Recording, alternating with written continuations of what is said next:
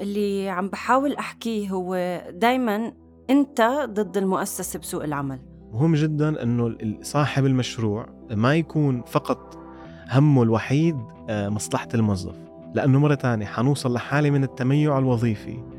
يلي حتوصل المؤسسة إنه هي حتوصل بمرحلة معينة حتخسر مشاريع وحتفلس وحتبطل تعرف تشتغل. يمكن أناقض حالي بس بحسش إنه في إشي اسمه وظيفة كريمة بالسياق الرأسمالي العالمي والسياق السياسي كمان. فيعني هذا الحلم على الأقل إنه أنا أكون بعمل شو أنا بدي مش مفروض علي يعني لأجندتي الخاصة مش لأجندة المؤسسة.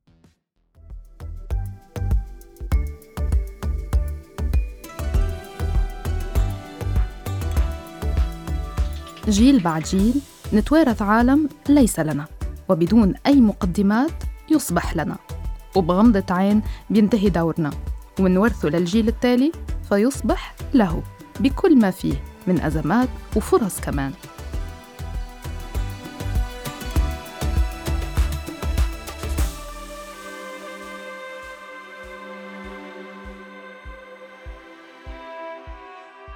بودكاست لنا من مناظرات الدوحة. مساحة لتلاقي جيلنا اليوم. لمناقشة ومحاججة أفكارنا وتجاربنا على اختلافها. بنتلاقى ونختلف برؤياتنا لواقعنا ومستقبلنا. بلساننا. مهما تعددت آرائنا رح يضل صوتنا لنا, لنا.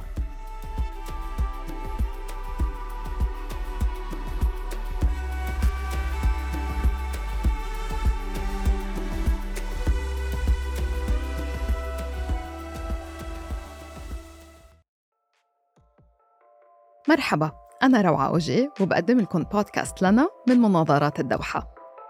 بحلقة اليوم رح نتناقش بالتصورات اللي عن جيل الشباب تجاه أماكن عملهم وأوضاعهم الوظيفية. صار معروف أنه آخر كم سنة وخاصة مع التحولات اللي طرأت على طبيعة الأشغال والأدوار صار في تحولات يمكن جذرية بالعلاقة ما بين العامل ومؤسسته. في دور أساسي للعوامل النفسية والاجتماعية بتشكيل ما يسمى بالرضا الوظيفي هل مشاعر الموظفين خاصة الصاعدين تجاه وظائفهم بتخليهم يستمروا بوظيفة ما ويعطوا من قلبهم؟ وهل يوجد بيئة عمل حاضنة بتنمي قدراتهم وبتحتوي طموحاتهم وأخرى سامة بتحطمها؟ خلونا نسمع اليوم لضيفين عندهم تجارب وانطباعات مختلفة عن سوق العمل وتحدياتها رح نسمع لشابة عاملة عمرها 30 سنة. الشغل أحبطها لكن ما هزمها. ما لقيت حالها بسوق العمل ومش متأكدة لو هالشي ممكن. برأيها العمال والموظفين لازم يعاملوا بطريقة أفضل والنظام من أساسه لازم يتغير. على الطرف الآخر رح نحكي مع رائد أعمال شاب. عمره بس 26 وبيدير أكثر من شركة عبر القارات وعلى مدار الساعة.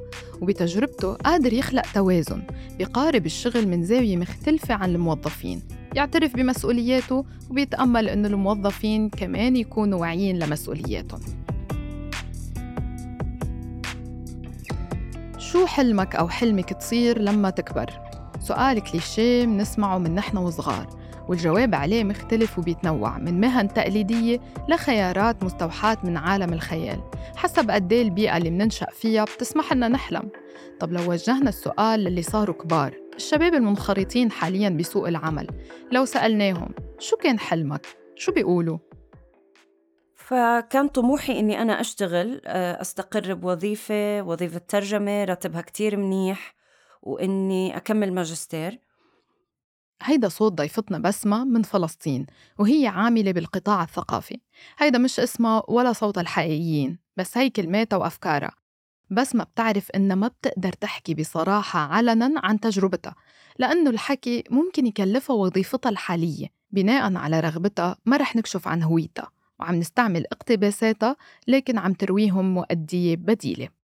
وكانت يعني خلينا نحكي إنها طموحات جاي ساذجة جاي طموحات من حدا بياخد مصروفه من أهله فبده يحقق نوع من الاستقرار المادي عشان مش ليش بدك المصاري وليش صرفتيهم هالقد بكير يعني عرفتي؟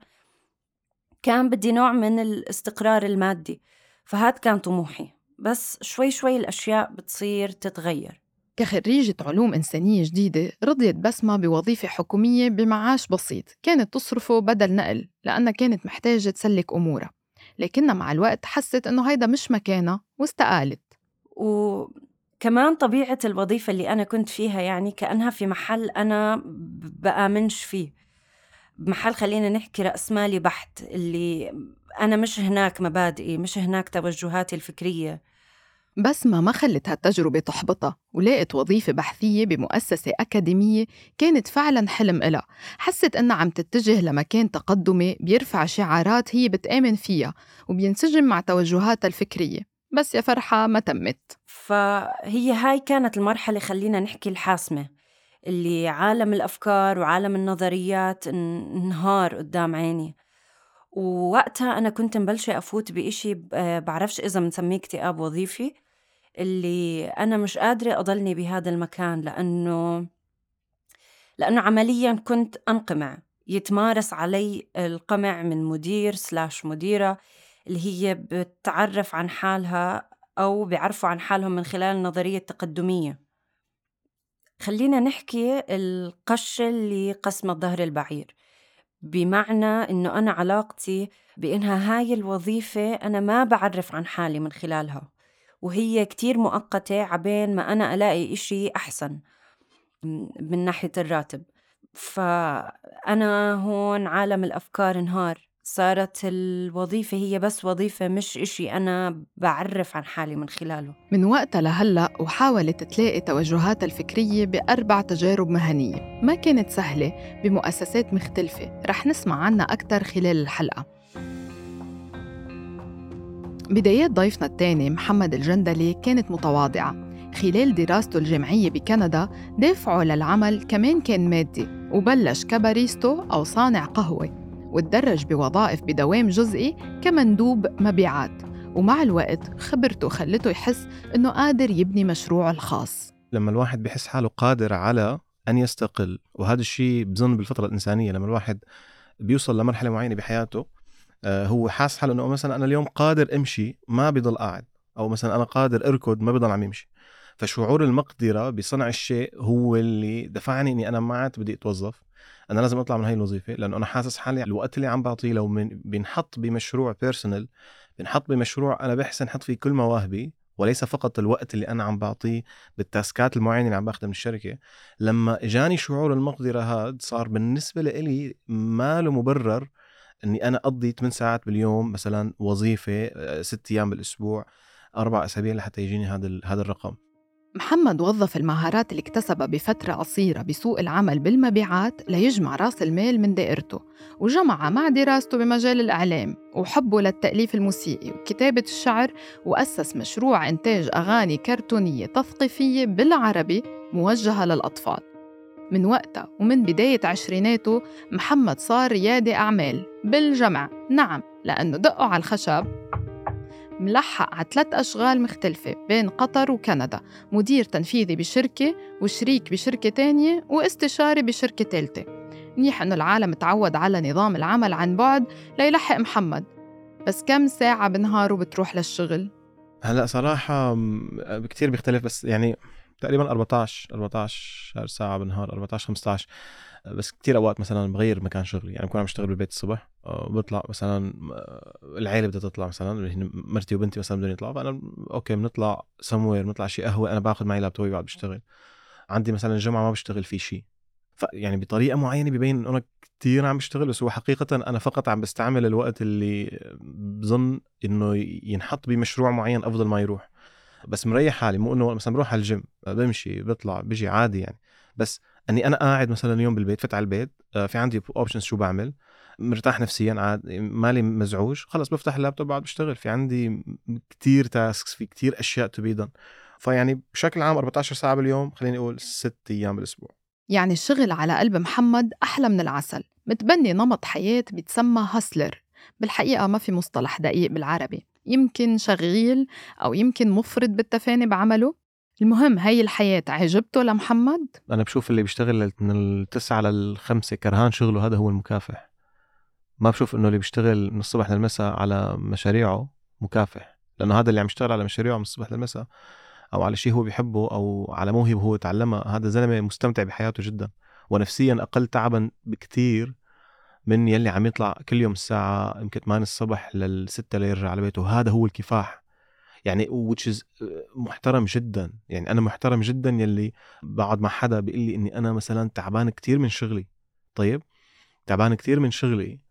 بس أنا ما عندي حل تاني. أنا عم أقدم وما عم لاقي. فأنا ضالل. هذا أنا بطلع عليه برفع له راية الاحترام وبرفع له القبعة على كفاحه اللي عم يكافحه. يمكن هو عم يشتغل أقل مني بكتير. بس هو الجهد النفسي اللي عم ينحط أعلى مني. وهون عن جد بيجي موضوع إنه الواحد لما بيشتغل بشيء ما بدي أقول بيشغفه لأنه كلمة الشغف كلمة مؤقتة. أوقات بيجي الشغف أوقات بيروح الشغف أوقات الواحد إذا بده يبني عمله على شغفه ومشاعره ما بيوصل لمطرح. يعني بدك الواحد بده خلص يحط هدف إنه أنا اي نو هذا الطريق هو الصح. اليوم إذا أنا حابه ولا كرهانة ولا عشقانة ولا متضايق بدي أشتغل لوصل لهي النقطة. فجواب إنه سؤال على مثلا هل أنا أعتبر نفسي أتعب أكثر من غيري؟ صراحة لا. بالعكس أنا بحس حالي مريح أكثر من غيري بكثير محمد تقريبا عم يوصف وجع بسمة. هو عم يقضي كل وقته عم يبني عالم وظيفي كرب عمل بشروطه وبسمة مش لاقية مكانها كموظفة. وتعلمت يعني مش اكتشفت بالطريقة الصعبة إنه عالم الأفكار إشي عالم المبادئ إشي والوظيفة إشي مختلف كلياً. بعد خذلان من وظيفتين مختلفتين بس ما بتقول إنه صار عندها صدمة أو تروما. ومع هيك حاولت بوظيفة ثالثة لكنها اصطدمت بنمط تمييزي بناء على جندرة وخياراتها الدينية وكمان استغلالها خارج ساعات دوامها. أنا كمنسقة برنامج الفكرة اللي بحكيها هي فكرة مش ما عندهاش validation أو هي مش فكرة قابلة للتطبيق. هي بتضلها حلم ليجي زميل بشوارب يحكي الفكرة فبتصير تمام. هاي هي الفكرة عرفتي؟ هاد واحد. اثنين عشان اعتبارات خلينا نسميها آه، شخصية يمكن أو اعتبارات تتعلق ب آه، بعرفش مش مش عارفة كيف أحكيها. يعني في أنا كإنسانة عارفة؟ يعني أنا مش ما عنديش دكتوراه محجبة من مدينة تانية. مش بنت هاي المدينة وبنت.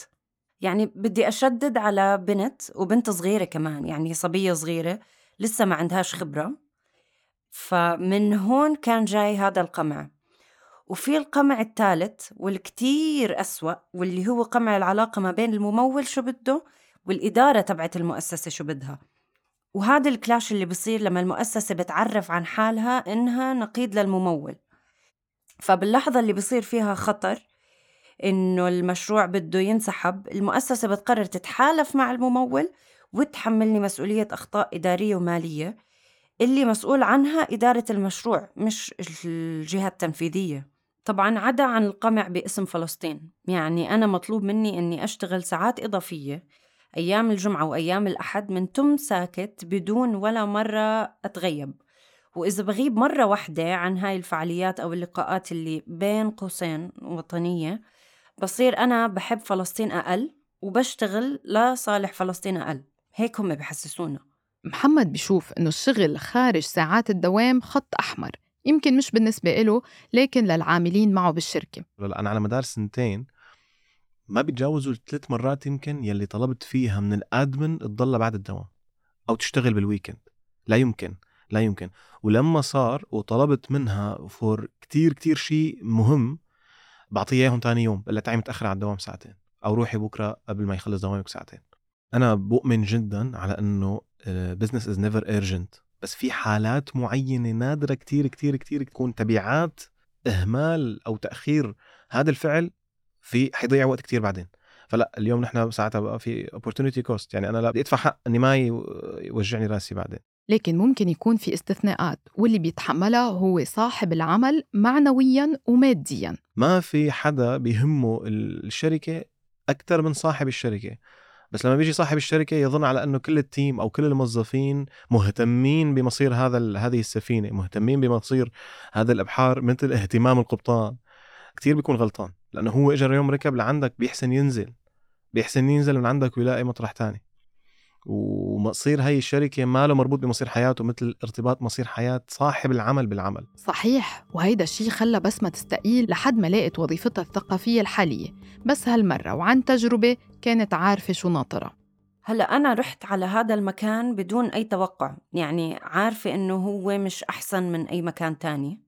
هلا إمتى بالضبط أنا قناعتي مع المؤسسة خلص وصلت لطريق إنه مش رح تتغيّر، لمّا صرت أشوف إنه أنا اللي عم باشتغل وغيري عم بياخُد الcredit والراتب، مش بس الcredit بالشغل، وعم باتطلّع على إنه هاد يعني هاي هي الculture تاعت المؤسسة، هاي الثقافة السائدة، بحيث إنه المقرّبين من الإدارة وضعهم كتير ممتاز، والموظفين التانيين اللي درجتهم أقل بالسُلّم الوظيفي هدول يعني أنا آسفة كتير على المثل اللي بدي أحكيه، أنا حمار مطحنة بهاي الماكينة مش أكتر، ومش بس أنا كمان على فكرة كل الموظفين.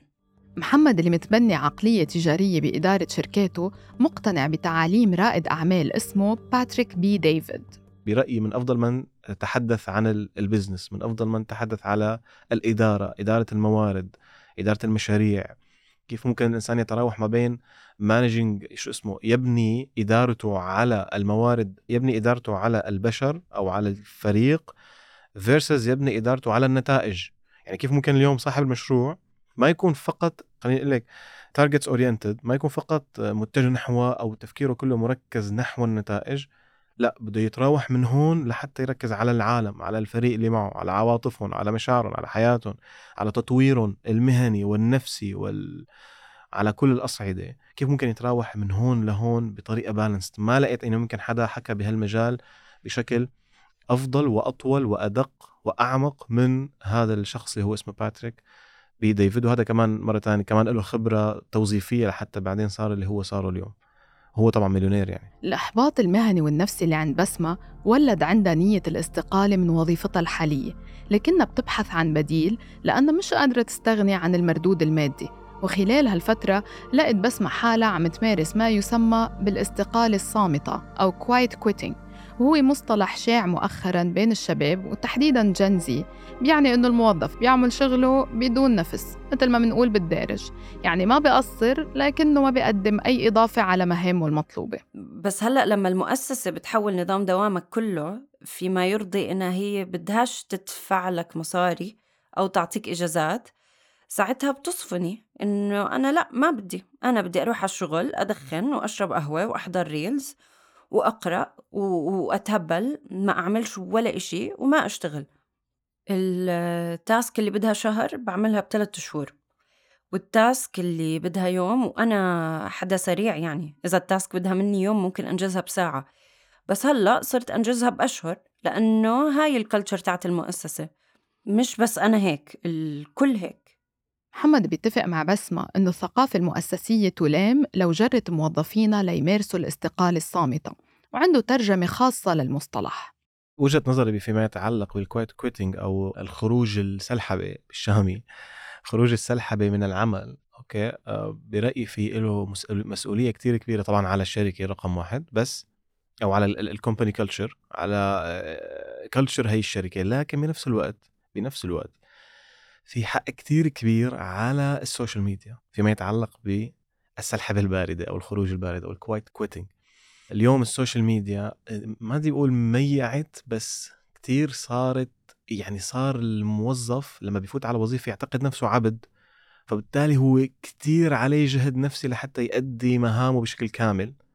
لأنه سمها وكل ما تفتح ال social media وين ما بتروحي على ال social media بتلاقي الناس بتقول start your own thing بلش مشروعك الخاص. افتح شغلك مدري شو. استثمر بتصير مليونير بخمس دقائق. بتصير ملياردير اليوم بثلاث أسابيع. إذا بتفتح هذا الموقع بتعمل refresh عشر مرات. بتعرفي هدول ال constant messaging أو messing with people's mind اللعب في عقول الشباب. اللعب في عقول الشباب على إنه الحياة سهلة جدا وأنت فقط بدك تاخذ عدة خطوات لحتى توصل للنجاح. بيعمل ميوعة أو بيعمل بيدمر شيء اسمه stamina بيدمر قوة التحمل يلي عنده إياها هذا الشاب أو هي البنت لما بتروح على مكتبها. بتروح هي وما عندها قوة تحمل فشوية ضغط من المدير. يمكن المدير اليوم بعيد عن ال target تبع الشركة ممكن يعمل meeting يعاتب ال team بنلاقي إنه والله أربعة خمسة عم يحكوا آه، بال break بين بعض إنه شو هالمدير والمدير جدا سيء والإدارة جدا بشعة وما بتحس فينا وواحد واحد ببلش بينسحب والتاني بيصير ما بيشتغل والتالت بيتأخر. الحمد لله يبدو ضيوفنا متفقين. بس لحظة محمد يمكن عنده تتمة متعارضة مع موقف بسمة المناهض للرأسمالية. العقلية اللي عم يتبناها اليوم الفاست ماجوريتي أو الغالبية العظمى من الشباب والبنات حديثي التخرج أو يمكن عم يدرسوا اللي هي عقلية إنه أنا أستطيع أن أفعل. انه أنا ليش لا اشتغل له؟ أنا عبد عنده الوظيفة عبودية الوظيفة وأنا رأيي طبعا الوظيفة مو عبودية مرة تانية أنا قلت لك اللي عم يتعب وظيفته أنا شخص بحترمه. والوظيفة مو عبودية لأنه الوظيفة هي تجارة. أنا اليوم ما عندي غير وقتي ما عندي المقدرة أفتح مشروع. أنا بجي بقول أنا حأعطيك من عندي 40 ساعة أنا حأعطيك 40 ساعة بالأسبوع. يعني بالشهر أنا بعطيك 160 ساعة. أنا بدي لقائهم هدول 4000 دولار بالشهر 3000 دولار بالشهر. فنحن الوظيفة لما بنطلع عليها فقط كعبودية وبنبث هذا ال messaging للشباب متوقع جدا إنه نلاقي نسب ال quiet quitting عم تطلع كثير عن من زمان. من زمان ما كان في هيك شيء. من زمان كان بيروح الواحد لما بيشتغل أول شيء بيتعب كثير ليلاقي وظيفة. ولما بيلاقي وظيفة بيعرف إنه هو إذا تركها في consequences كثير صعبة. في consequences كثير صعبة حيواجهها بحياته. فهدول ال quiet quitters وكلياتنا بعرف يعني إذا كلياتنا كنا بحياتنا بمرحلة معينة عملنا هذا ال practice هلأ أنا personally عملته باكثر من مطرح لما كنت طالب جامعة. بس العاقبة تبعه أو نتيجته إنه الواحد كل ما يكبر كل ما بيحس إنه يمكن كان لازم أتحمل شوي. أنا هلأ ليك عم بتحمل أشياء أصعب لأنه الظروف جبرتني أتحمل يمكن لأني متزوج يمكن لأني عندي بنت. فيمكن بوقتها كان شركة فظيعة. يمكن لو أنا تحملت وما طلعت وما عملت شيء اسمه quiet quitting وعطيت اللي عندي يمكن كنت وصلت معهم لمطرح كبير. ليش كنت عم فكر بهالطريقة الطفولية؟ عرفتي علي شو قصدي؟ في ناس ممكن ياخدوا انطباع عن سلوك بسمة إنه تكاسل لكنها بتشوف فيه مسار عمالي حقوقي. أنا بدي أضرب هاد حقي النقابي ومش عارفة كيف بدي يعني ما عمروش رح يصير بس أنا ما بدي أشتغل. هاي رغبة وإرادة إنه أنا ما بدي أشتغل للمؤسسة كنوع من أنواع الاعتراض على هذا القمع اللي بتمارسه على الموظفين. وهذا مش بس عندي عند كل الموظفين يعني عمليا عند جزء كتير كبير من الموظفين. محمد بيلاقي إنه أشكال الإضراب مش كلها مبررة وبيقرأ كل احتجاج بسياقه. مثلا من غير المقبول بالنسبة له لو موظفي قطاع حكومي قرروا الإضراب لأنه برأيه هيدا بيوقف مصالح مواطنين آخرين. بينما لو كان الاحتجاج العمالي بإطار شركة خاصة قد يكون مقبول. ما في شيء اسمه الموظف يعمل إضراب. إذا بده يعمل إضراب الموظف أو بيتغيب عن شغله الحكومي لثلاث أيام متتاليات بدون عذر يتم طرده ومنعه من العودة إلى العمل الحكومي مدى الحياة. طيب نحن اليوم نقول بس عم يظلموا هي الدولة هدول الموظفين؟ لا ما عم يظلموا. في مصالح ناس وعالم. في غاية أكبر من مشاعرك أنت اليوم كموظف اللي هي إدارة country إدارة بلد إدارة مصالح ناس وعالم. فأنا برأيي التميع الوظيفي اللي صار بكندا ليك لوين وصل؟ هلا لحتى بلشت الحكومة والله عم تتناقش مع الموظفين نعطيهم اللي بدهم اياه okay حنرفع لكم رواتب بنسبة معينة بسبب ال inflation. أنا ما عم إنه الموظفين ما يشتكوا. ما عم إنه الموظفين ما يعملوا strikes لكن يوم اللي توصل صوتك ما جابت نتيجة في طرق تانية. ممكن تعملوا انسحاب جماعي. يعني إذا department كامل قرروا اليوم بعتوا إيميل إحنا حنطلع من الشغل للدولة. حنطلع من الشغل خلال أربع أيام. في طرق تانية كتير غير إنك أنت توقف البلد كلها شهر ونص والحكومة ما تعمل أي ردة فعل لأنه في تميع وظيفي رهيب. رهيب لأنه مين الحكومة؟ إذا الحكومة هي المتغيبة مين بده يعاقب؟ يعني محمد برأيه أنه القائم على المؤسسة حكومية كانت أو خاصة هو اللي بيحاسب وبيقرر. طب كيف لو كان الاعتراض جاي من موظفين بيشتغلوا بشركة بديرها محمد؟ وتحديدا من قراره بإلزامية فتح كاميرا Zoom خلال ساعات الدوام الكاملة. طيب إجوا لعندي أن نحن عم ننزعج من ال Zoom camera. كلياتهم. نحن عم ننزعج من ال Zoom camera اليوم أنا كمؤسسة أو كشركة عندي هذا القانون وأنا حاطط هذا القانون لسبب لأنه أنا جربت قبل هالمرة اجيبوا موظفين يشتغلوا معي بطبيعة العمل هي بدون ما يفتحوا ال Zoom camera وكانوا ما يورجوني ما ما يعملوا results وأنا بفهم هذا الشيء لأنه هو ما له جاي على مكتب أو هي ما له جاية على مكتب فما عندها مشاعر إنه أنا ما عندها شعور المسؤولية المكتبية. وهي قاعدة ببيتها. ف لما بقول أنا افتحوا ال Zoom cameras فنحن مثل كأنه قاعدين كلياتنا ب virtual office مع بعض. محمد ما بيشوفها كوسيلة لمراقبة الموظفين وإنتاجيتهم إنما حجته إنه سياسة فتح الكاميرات بتسمح ببناء تقارب عاطفي أو emotional proximity بين الموظفين خاصة إنه بيشتغلوا من أماكن مختلفة بالعالم. بيآمن إنه السلام الصباحي والأحاديث الجانبية ضرورية لبناء علاقات مهنية سلسة خارج سياق المكتب التقليدي. أنا بعت إيميل إنه هذا جزء من قوانين الشركة واللي بلاقيها غير مناسبة ما فيني أعمل شيء.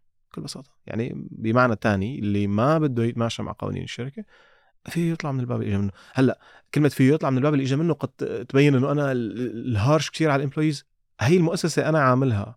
هذا هذا الفرق. الشركة أنت عملتيها بحق لك تحطي القوانين اللي بدك إياها فيها بطريقة طبعا منطقية إنسانية. في إيلون ماسك مثلا عنده نوع معين من طريقة الإدارة اللي أنا بحبها اللي هو عنده مثلا حواجز معينة أو عنده ضوابط معينة ما بيتنازل عنها. مثل مثلا بيقول إنه أنا أي أول تصرف بيبدر من أي موظف عندي قد ما كان كفؤ. هذا التصرف ببين قلة احترام it's unethical أنا بقول له يطلع من الباب اللي فات منه. وفعلا في واحد انزعج كثير من الموضوع وضل back and forth بالسيرة وضل عم يشتغل بس مثل ما قلتي عم يشتغل بدون ما يعمل deliverables quality deliverables آخر شيء أنا مشيته ما هو طلع أنا مشيته لأنه أنت ما بدك تتماشى مع هي المؤسسة روح لاقي سفينة تانية تتماشى مع طريقتك بالعمل. طيب هل بس ما عندها أمل بسفينة بتتناسب مع مبادئها بالعمل؟ يمكن أناقض حالي بس بحسش إنه في إشي اسمه آه، وظيفة كريمة بالسياق الرأسمالي العالمي والسياق السياسي كمان. فيعني هذا الحلم على الأقل إنه أنا أكون بعمل شو أنا بدي مش مفروض علي يعني. لأجندتي الخاصة مش لأجندة المؤسسة. هاي المؤسسة هي نظام. المؤسسة هي جزء من مجموعة. هاد تعريفي أنا أنا كيف بشوفها؟ هي جزء من مؤسسات آه، وليدة آه، بيئة سياسية واجتماعية ودينية. فإذا هذا النظام وهاي المنظومة كلها منظومة قامعة ولا عمره رح يصير في مؤسسة أحسن.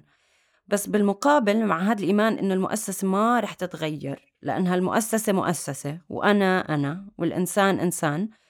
في تجارب بفكر إنها كتير كتير مهمة وبفكر إنه هاي التجارب كتير نشغل عليها.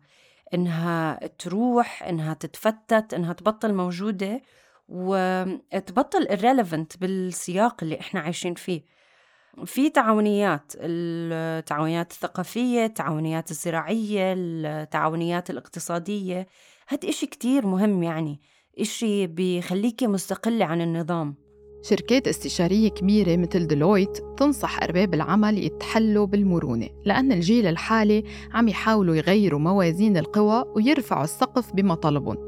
وفي مبادرات عمالية ومؤسسية وحكومية حول العالم عم تحاول تعيد تعريف شكل العلاقة بين الموظف وشركته إما بتجارب أو بتعديل قوانين. مثلا تسمح بتقليص ساعات العمل باليوم وبالأسبوع أو تقليص أسبوع العمل من خمسة أيام لأربعة أيام مقابل ثلاثة أيام للويكند وفي مؤسسات خاصة بتقول إنها بتسمح لموظفينها يعطلوا قد ما بدهم بس بشروط طبعا. آه، محاولات في بعض منها عبثية صراحة في بعض مثلا موضوع تقليل أيام الأسبوع لأقل من خمسة غير مجدي برأيي لأنه اليوم شو هي الشركة اللي حتوصل لأي نتيجة بأربعة أيام بالأسبوع؟ يعني نحن طبعا أنا ضد الست أيام نحن جربنا بخلال شركتي نعمل ست أيام بعدين نقصناهم لقيتهم ما في برودكتيفيتي يعني اليوم عم يعطل الشخص يوم واحد عم يرجع اليوم اللي بعد منه كتير تعبان فنقصنا للخمس أيام وحسيت إنه كتير ظابطة الواحد بيطلع الخميس عنده جمعة سبت لكن بعض المحاولات كانت جدا إيجابية اللي هي تقليص ساعات العمل برأيي.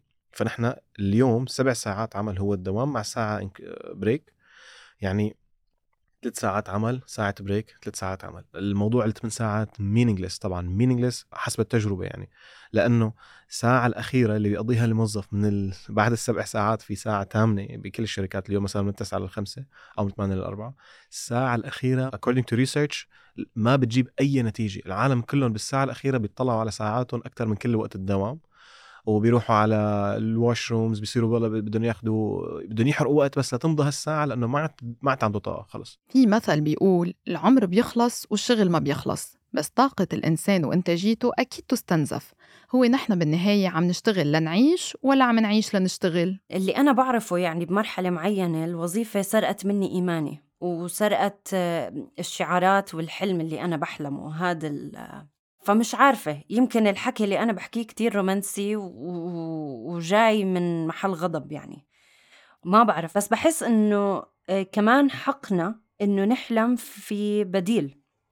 يعني في كتير محاولات على الأرض. هي بيبي ستبس يعني مش أشياء مش إشي بخليكي تشبعي اليوم بس. مش أكيد يخليكي تشبعي بكرة. مفهوم. بس شوي شوي الشغل على الوعي هو المطلوب.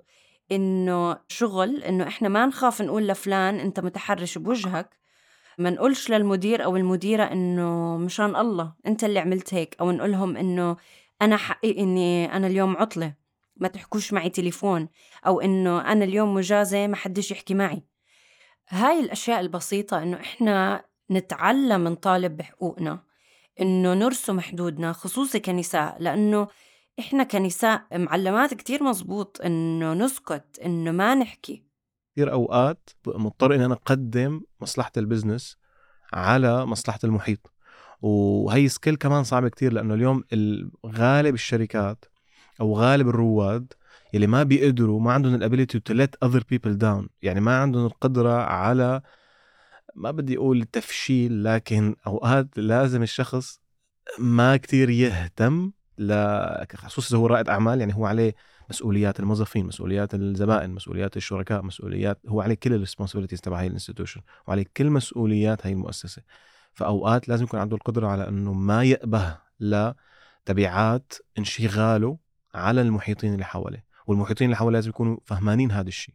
إنه هذا الشخص ما بين ما بينفع يكون بيخلص شغله على الخمسة ويقعد. ما بينفع.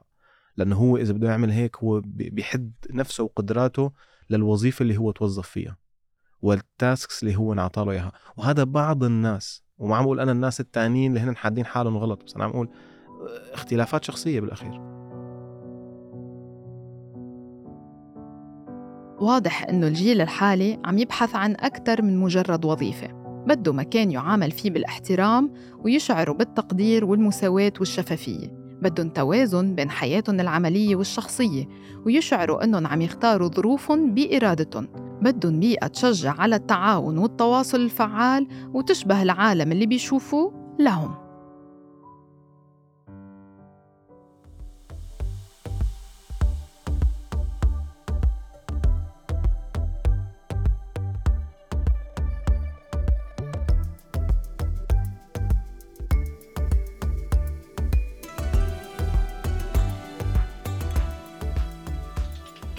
لو وصلتوا لنهاية الحلقة بشكر حسن إصغائكم وبتمنى تكون ظروف عملكم عادلة ومرضية احكوا لنا هل قادرين تحققوا توازن بين حياتكم المهنية وحياتكم الشخصية؟ وين حدود حقوق وواجبات الموظف أمام المؤسسة اللي بينتمي إلها؟ شاركونا تجاربكم عبر حسابي @rawak r a w a k وصفحة فريق مناظرات الدوحة عبر Doha Debates AR D O H A D E B A T E S A R على انستغرام وتويتر وفيسبوك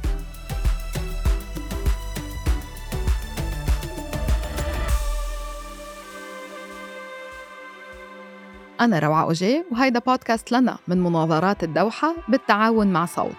الحلقة من إنتاج رنا داوود وتصميم الصوت حسام علي صوت بسمة أدته خولة الحموري.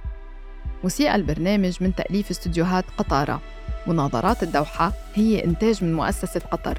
المنتجين المنفذين هم جيف ويكس وأمجد عطلة وجيجر مهتا وشكر خاص لسمية الكبسي ومحمد طه. اشتركوا بلنا على تطبيق البودكاست المفضل عندكم وما تنسوا تقيموا البرنامج على Castbox و Apple Podcast. انتظرونا بحلقات جديدة لنا.